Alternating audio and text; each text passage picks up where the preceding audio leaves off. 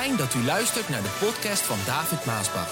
We hopen dat u erdoor geïnspireerd en opgebouwd wordt.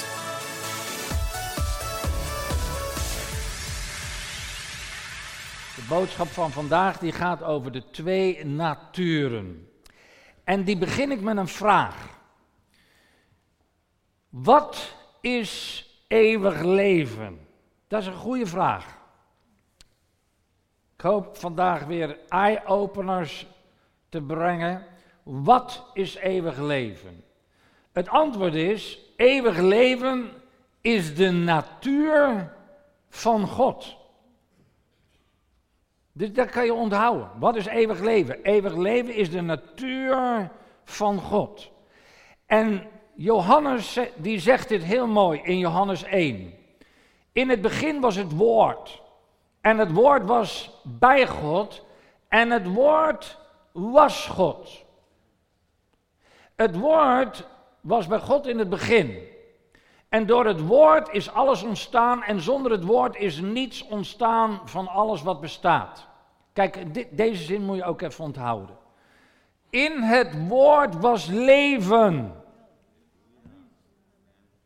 Je leest, dit kent iedereen. Maar de manier waarop ik het vertel, gaan je ogen open voor mooie nieuwe dingen die de Geest Gods je wil laten zien. In het woord was leven. In het woord is eeuwig leven. Het spreekt ook over Jezus, hè? Het spreekt over God. In het woord is eeuwig leven. God is eeuwig leven. De natuur van God is eeuwig leven. En dit vind ik ook mooi. En het leven was het licht voor de mensen. Dit vind ik zo mooi. In het woord was leven, eeuwig leven. En in het eeuwige leven, dat, dat licht, dat eeuwige leven is het licht voor de mensen. Met andere woorden, dat eeuwige leven, dat licht, dat verlicht de mens. Dat verlicht het verstand. Dat is eigenlijk ook wat er gebeurde toen Jezus kwam. Toen kwam het licht in de wereld. Ik ben het licht, zegt Jezus. Het verlicht het verstand. Ik denk dat is ook de reden dat het Westen, die dat eeuwige leven heeft aangenomen, geaccepteerd heeft, want de zijnen hebben hem niet aangenomen en in het oosten en het verre oosten hebben ze hem ook niet aangenomen. Daardoor heb je daar allerlei andere soorten religies. Maar het westen heeft dat leven geaccepteerd, aangenomen, waardoor dat verstand verlicht is geworden van het westen. Want van daaruit, toen Jezus kwam, kwam ook de kerk en kreeg je ziekenhuizen, scholen. Door de educatiescholen werden de uitvinding, uitvindingen gedaan. Uitvindingen komen uit het Westen. dit, dit, gaat een beetje dieper, maar dan moet je maar eens over nadenken. Uitvindingen die komen uit het Westen. Die komen niet uit het Oosten, helemaal niet uit het Verre Oosten. De uitvindingen komen uit het Westen. Het heeft het Westen rijk gemaakt. Het heeft het beste, anders gezegd, gezegend. Allemaal omdat het licht kwam. En zij die het leven hebben geaccepteerd, zijn verlicht geworden. En door die verlichting zijn we wijzer geworden, hebben we kennis gekregen, hebben we uitvindingen gedaan. Nou, het was de bedoeling van God dat de mens een eeuwige metgezel van God zou zijn. Het was de bedoeling van God dat. Laat ik het een stukje even verder lezen. Het woord kwam in de wereld en heeft de wereld gemaakt.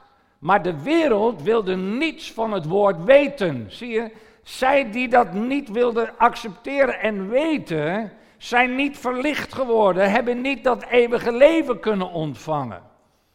Hij kwam in zijn eigen land, maar zijn eigen volk heeft het niet geaanvaard.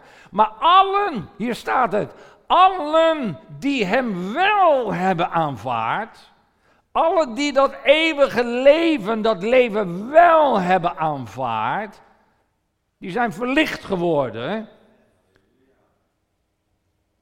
En geloven in zijn naam heeft hij macht, heeft hij recht gegeven om kinderen van God te worden. Mooi is dat, hè? Als je het aanvaardt, dat leven, krijg je de macht, dan komt dat licht, dan komt dat leven in je, waardoor je een kind van God wordt. Zij worden opnieuw geboren.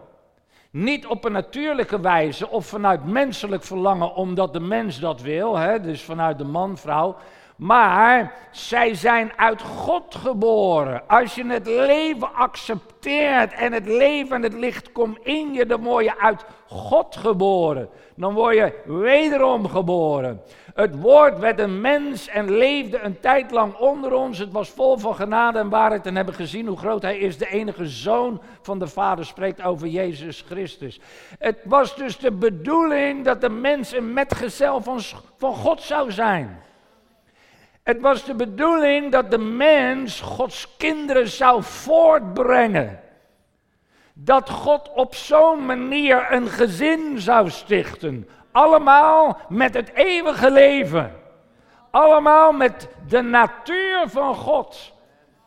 Dat zegt ook Psalm 8 zo mooi. Als ik s'nachts omhoog kijk en de hemel en het werk van uw handen zie, de maan, de sterren, die u hun plaats gegeven hebt, wat is dan de mens? Wat is dan de mens dat u zoveel om hem geeft? Wat is een mensenkind dat u zich om hem bekommert? En u hebt hem een plaats vlak onder uzelf gegeven. Bedoeling, kinderen, gezin. U hebt hem bekroond met heerlijkheid en eer. U hebt hem zelfs het beheer gegeven over alles wat u hebt gemaakt. Alles staat onder het gezag van de mens. Dat was de bedoeling. Dat de mens het gezin van God zou vormen met de natuur van God, het eeuwige leven. Leven, leven, leven. Hallo. God is een goede God. Leven, leven, leven. Dat is wat God wilde. Maar toen kwam de zonde. En de mens viel in de zonde. En doordat ze ongehoorzaam waren en in de zonde vielen, verloren zij het recht op de natuur van God. Verloren zij het recht op dat eeuwige leven. En daarvoor in de plaats ontving de mens de natuur van de tegenstander van God.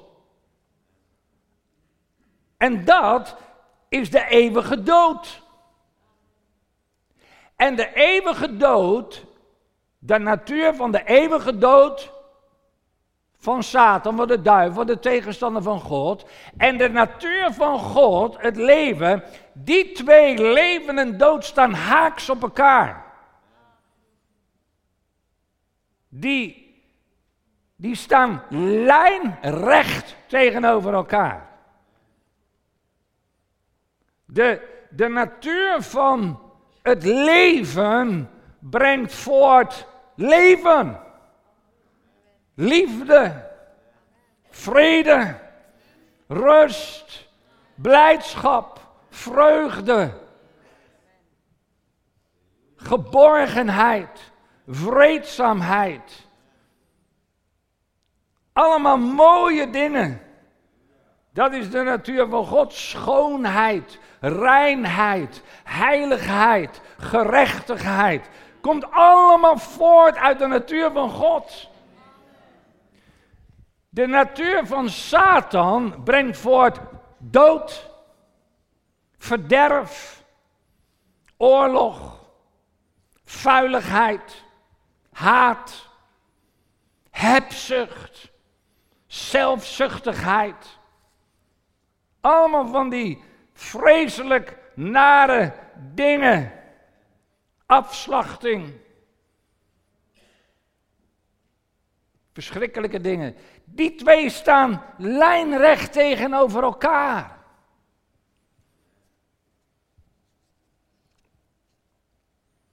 Nou, vraag.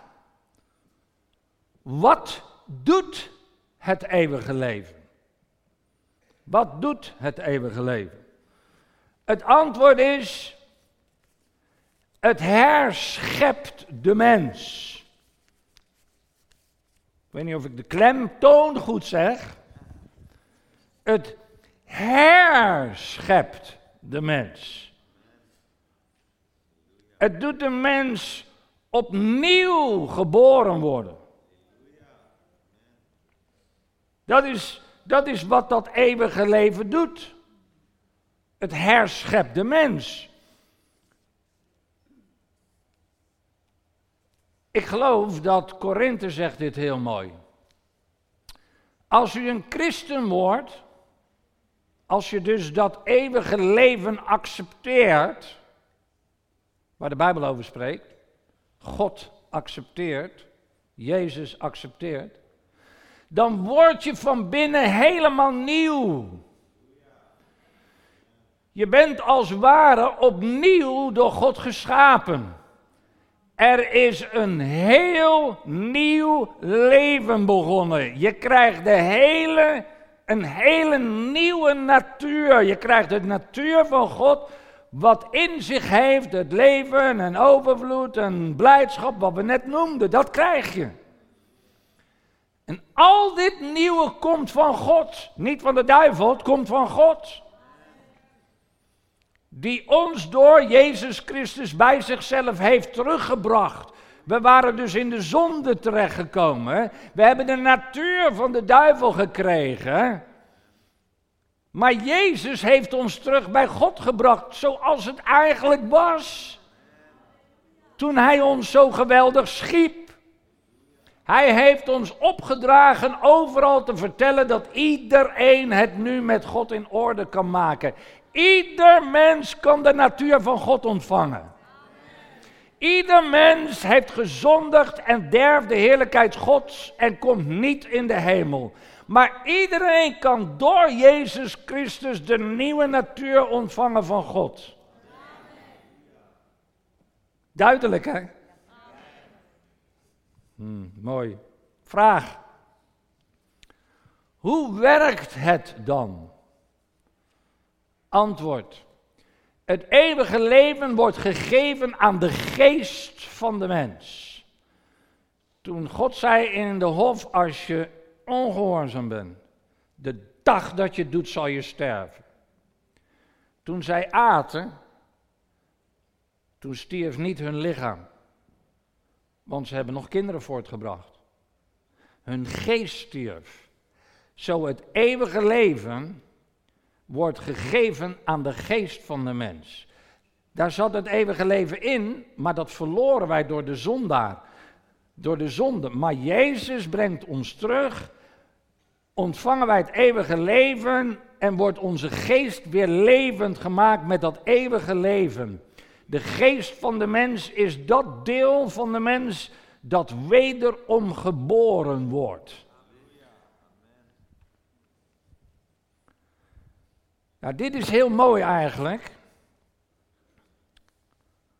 Want het moment dat de geest, dat je geest opnieuw geboren wordt omdat jij dat leven accepteert, dat jij Jezus accepteert, waardoor jouw geest wederom geboren wordt, opnieuw geboren wordt, het moment dat dat gebeurt, bindt die wederom geboren geest waar God in woont, bindt de strijd aan met je zintuigen.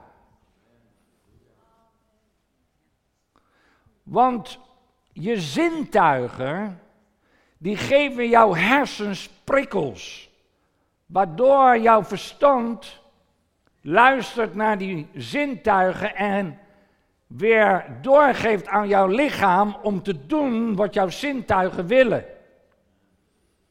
Dus met andere woorden, als ik, als ik heerlijk, als Regina heerlijk Indisch heeft gekookt en ik ruik met mijn zintuigen, dan geven mijn zintuig, mijn reuk geeft impulsen aan mijn hersens, waardoor ik trek krijg en mijn lichaam maakt dat het gaat eten. Dat gaat allemaal in secondes, hè, in split seconds. Maar dan krijgt, ik ruik iets, een puls. En die puls maakt dat ik trek krijg en zorgt dat mijn hand de vork pakt en lekker gaat eten. Dat gaat heel snel allemaal, hè? Maar dat is eigenlijk wat het doet. Als je geest dus dood is in de zonde, wat die dood voortbrengt, dan worden mijn, dan geven die zintuigen prikkels door aan mijn hersenen, waardoor ik dingen doe die ik niet moet doen. Want kijk nou dat ik heel lekker Indisch eten geef, dus dat is oké. Maar goed, ik kan ook krijgen dat ik uh, iets kan zien waarvan ik denk, hé, hey, dat is mooi. Een mooie vrouw. Maar dat is niet goed, hè?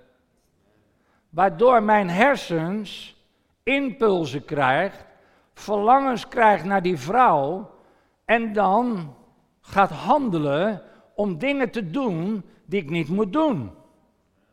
Als mijn geest dood is, dan hebben die zintuigen en mijn verstand geen enkele tegenstand en doe ik gewoon wat ik doe waar ik zin in heb. En daardoor doen we een hele hoop verkeerde dingen. En dat gebeurt in de wereld. Dat gebeurt bij de onbekeerden.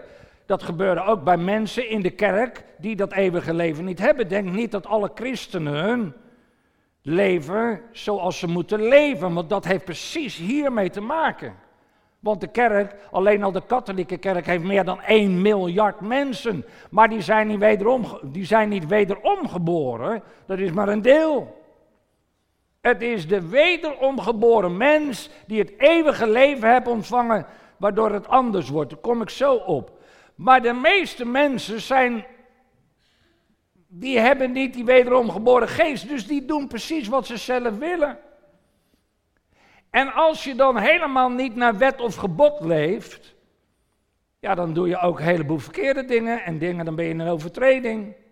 Dan doe je alles wat, wat je zintuigen zeggen. Dan, dan worden we net als God zegt, gewoon een verwilderd volk, wolven, beesten. En zo doen mensen dingen die beesten doen. Maar het moment dat de geest van de mens opnieuw geboren wordt, begint de geest van God in de geest van de mens ook impulsen te geven aan mijn verstand om dingen te doen naar zijn wil. Maar omdat mijn zintuigen ook impulsen geven aan mijn verstand van dingen die ik niet moet doen, en mijn geest, wederom geboren geest van God, impulsen geeft aan mijn verstand om dingen te doen die God wil, botst dat.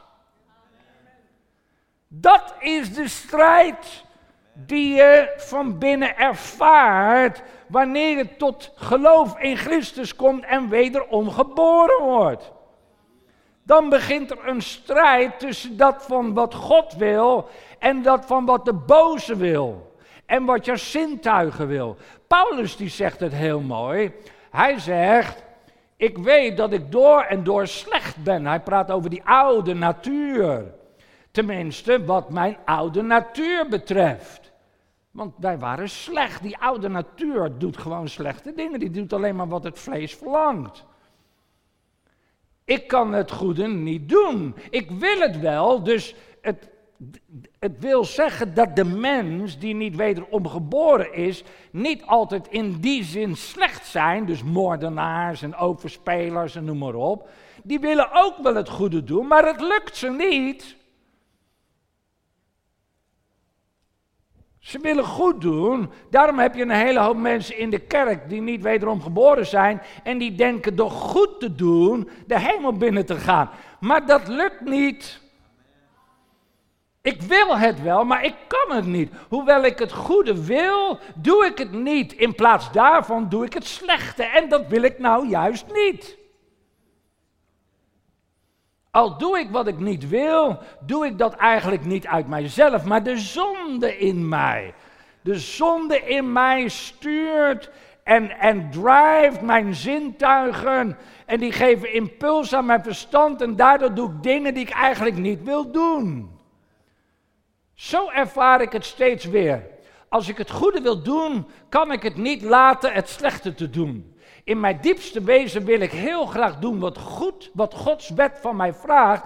Maar ik zie dat mijn doen en laten daarmee volledig in strijd is. Er is strijd.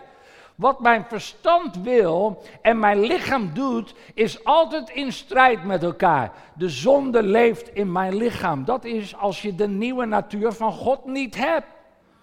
Dan leeft de zonde in jou. En dat allemaal, die hele combinatie maakt dat je dingen doet die je niet moet doen. In de kerk, ja, er zijn velen die in de kerk zitten en zich christen noemen, maar dingen doen die ze niet moeten doen. Maar ze noemen zich christen en komen in de kerk. Ook het kwaadspreken is iets wat ze niet moeten doen, maar ze doen het.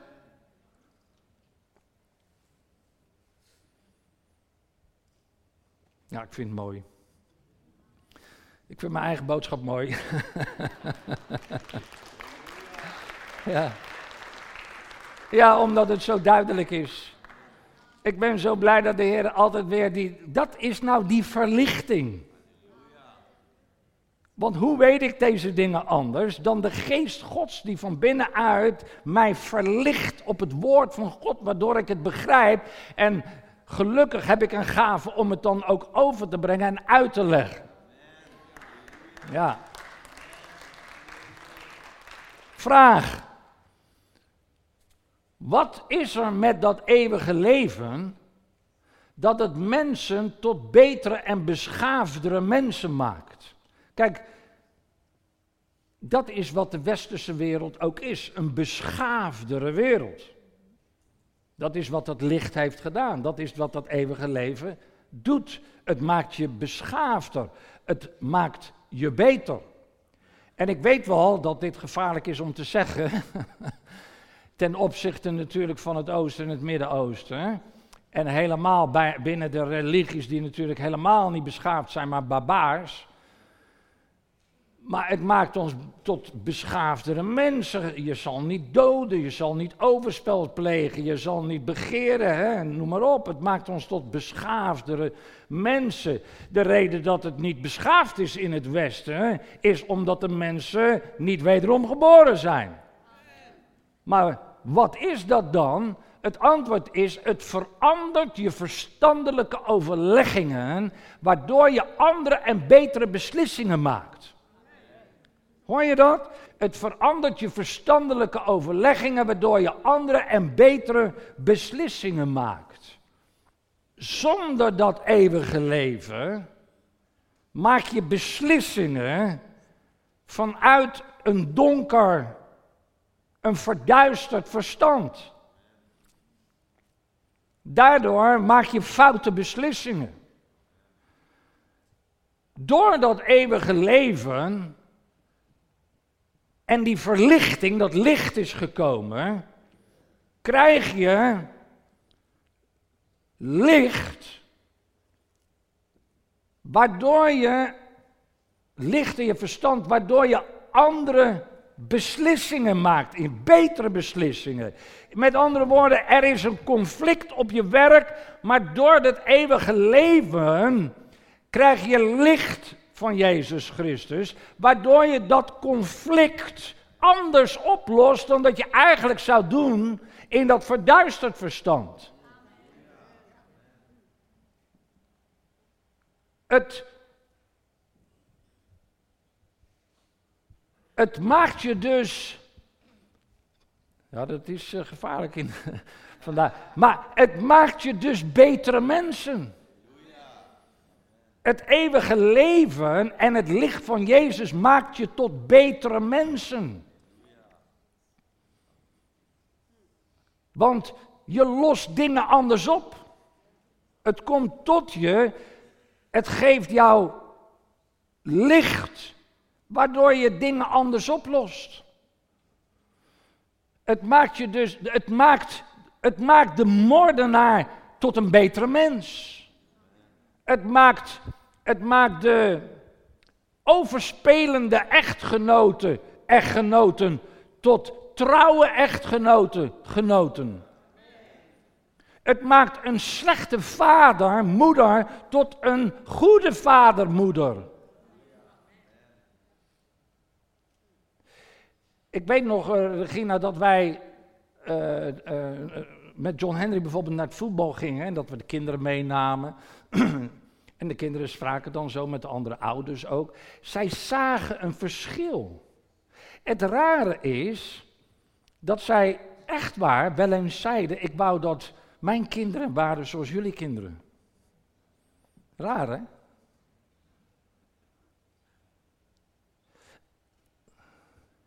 Als je dan vertelt dat dat komt door Jezus Christus, dan ineens. Ja, maar hier zit een mooie kern van waarheid in.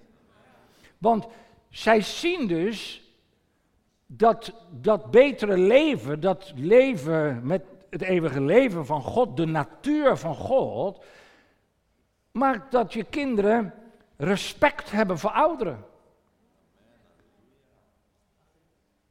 En ook zo praten. En ook zo doen. Dat is wat ouders graag willen. En als zij dat zien van onze kinderen, die echt gewoon heilige boontjes zijn, maar toch die mooie karaktereigenschappen van de natuur van God hebben, en hun hebben dat niet, denken ze, ja, dat zou ik wel graag willen. Maar als je dat dan vertelt, kijk, wij zeggen dan door Jezus, maar wij weten nu door deze boodschap, door de natuur van God. Misschien is dat te moeilijk allemaal. Dus dan zeg je dat komt door ons geloof in Jezus Christus en het volgen van het woord van God. Maar dan zeggen ze, nou, maar nee, dat, dat hoeft niet. Dus ze willen wel de natuur, maar ze willen niet God. Hemzelf. Ze willen niet hemzelf. Zo, het maakt de kinderen tot betere kinderen. Die, nou, ik ga zelf zo ver, nu dat ik toch in de, in de anointing ben, dat ik durf te zeggen dat ik denk dat er maar weinig wederomgeboren kinderen Gods in de gevangenis zitten. Ik heb het niet over christenen, die, of mensen die zich christenen noemen. Want ik denk dat er heel wat gereformeerde katholieke, protestanten, hervormden in de gevangenis zitten. Dat is het niet. Ik heb het over wederomgeboren christenen die de natuur van God hebben. Dat daar maar weinig van in de criminaliteit zijn. Dat er maar weinig in de gevangenis zitten. Hoe komt dat? Daaraan zie je het verschil. Want de gevangenissen zitten vol met niet wederomgeboren mensen. Die nog altijd leven in een verduisterd verstand. Lieve mensen, dit is ook de hele toestand van de wereld, maar ook van Nederland vandaag. Waarom wordt het maar slechter in de criminaliteit? Waarom gebeuren er steeds meer verschrikkelijke dingen? Zelfs kinderen, 12, 13 jaar, lopen met pistolen en messen rond. Doen bankkraken. Ik kan me niet voorstellen dat een wederomgeboren kind van God een plofkraak pleegt.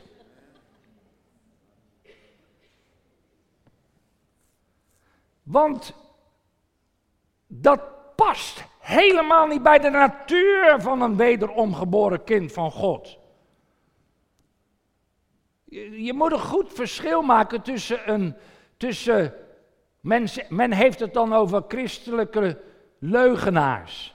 Dat is een fout woord. Het is een leugenaar die zich christen noemt. een christelijke overspeler. Wat een onzin. Het is een overspeler die zich christen noemt. Christelijke moordenaar. Nee, het is een moordenaar die zich christen noemt. Er is dus een heel verschil daartussen. Wij die wederom geboren zijn, wij hebben de natuur van God. Die maakt ons anders. Die maakt ons anders omdat op een gegeven moment, dan krijg je ook dat die strijd één gaat winnen natuurlijk. Hè? En dan ligt het er maar aan welke je voedt. Als je je gezintuigen voedt, dan wint die. Als je de geest van God voedt, dan wint die. En als de geest van God dan de gelegenheid krijgt, dan gaat die jouw denken, jouw verstand uitlijnen met het woord van God. En dan, dan komt er rust in je binnenste. Want dan gaat jouw verstand luisteren. Hij was altijd bezig om te luisteren naar je zintuigen. Maar dan gaat jouw verstand luisteren naar de geest van God binnen in jou. En dan gaat de kant van het vlees gaat dood en de kant van het leven gaat winnen. En dan moet je de dood dood houden. Dat als de zintuigen zeggen ineens tussendoor iets wat daar versta je wel eens versteld van dat er ineens iets bij je kan komen dat je denkt, hoe, waar komt dat nou vandaan? Dat komt nog van dat oude natuur die dan ineens wil komen, die hou je dood door en niet naar te luisteren en te luisteren naar de geest binnenin je en die zich uitlijnt met het woord van God en je verstand.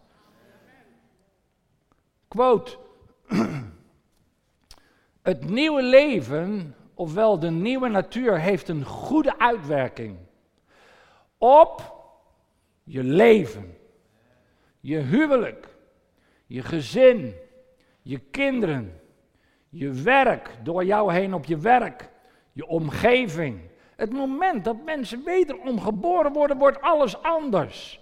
Dat gaat een goede uitwerking hebben op je omgeving, je vrienden, je collega's, je buren, je sportclub, je school, je Facebook, chat, Snapchat, Inst. Hallo,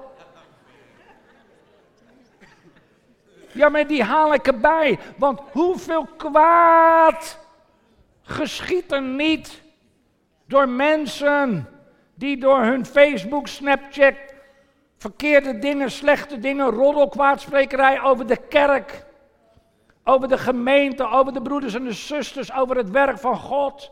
Hoeveel hebben ze niet over mij gezegd? Wat is er allemaal niet? Nou, je hoeft het van mij niet te lezen, maar het zijn dingen dat ik denk, waar halen ze het vandaan? En dan laten ze zich gebruiken. Hoe komt dat? Omdat die lui, die zo gezegd een kind van God zijn, maar luisteren naar hun zintuigen, want er is iets gebeurd en daarom hebben hun zintuigen, die heeft iets gevoeld wat niet prettig is. En die geeft dan een impuls naar het verstand en dan gaan ze terugbetalen, weet je wel. Dan gaan ze hun Facebook en dingen allemaal gebruiken. En zo maken ze dingen stuk. Dat komt niet uit de geest van God. Nooit en never komt dat uit de natuur van God. Hoor je dat? Nooit en never komt dat uit de natuur van God. God bouwt zijn kerk.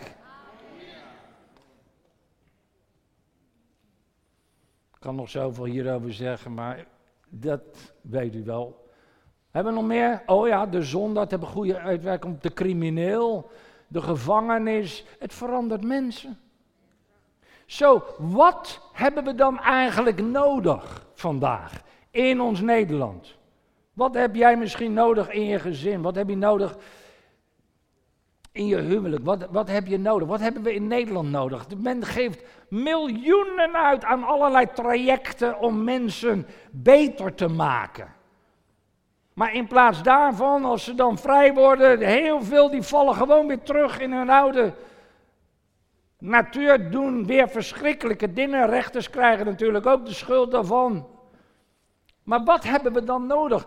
Wat we nodig hebben is dat de mens het leven accepteert. En wederom geboren wordt, wat de mens en het hart van de mens verandert en de natuur van God geeft. Dat blijft altijd de boodschap. Wat zegt, geloof ik, Petrus? Hij zal zelfs zijn heerlijkheid en goedheid met ons delen. God deelt zijn heerlijkheid en goedheid met ons. God deelt zijn natuur met ons. Hij heeft ons geweldige, grote en waardevolle beloften gedaan. Hij redt ons van de begeerten van het verderf. Dat betekent, hij redt ons van die oude natuur, wat de eeuwige dood is. Hij redt ons daarvan en geeft ons deel aan zijn wezen. Zijn natuur. Zijn leven. Mooi hè? Nou, dat is wat we nodig hebben.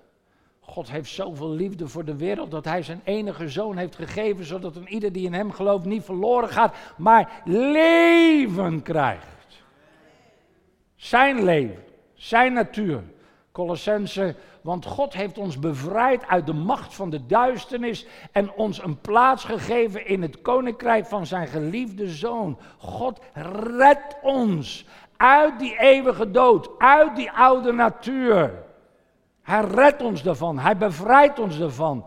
Brengt ons vanuit de duisternis in het licht. Geeft ons zijn natuur, zijn leven, waardoor wij anders worden. We worden helemaal anders. Dus kom dan nooit bij mij en zeg: Ja, maar David, ik, uh, dat is zoals ik ben. Ik ben zoals ik ben. Dan denk ik, dan zit je fout, want als jij bent in die oude natuur, ja oké, je bent zoals je bent, dat klopt. Maar je hoeft niet zo te blijven, want je kan veranderen. Dat heet bekeren. En ik heb voor veel mensen maar één woord en dat is, niet hier hoor, maar in het algemeen. Dat is, je moet je bekeren. Eén woord, bekeren.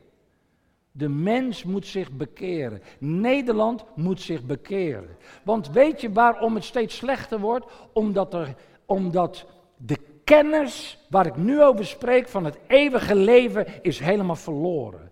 En hoe komt dat? Het wordt niet meer geleerd op de scholen. De kinderen krijgen het onderwijs niet meer op school. Met de godsdienstlessen. Het wordt in heel veel kerken niet meer geleerd. Vele predikanten geloven er niet eens meer in. En daardoor is het verloren. Maar wat ben ik blij dat ik het mag prediken. En dat er, hè, Heer, laat mij horen wat u hoort.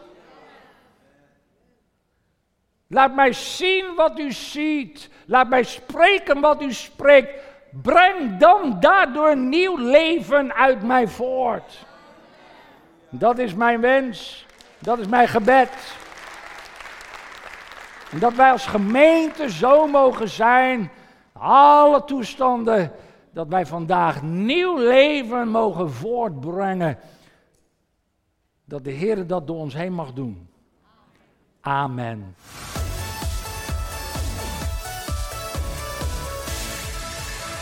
Bedankt voor het luisteren naar deze podcast. Wilt u meer preken beluisteren? Ga dan naar message.maasbachradio.com. Bezoek ook eens onze website www.maasbach.nl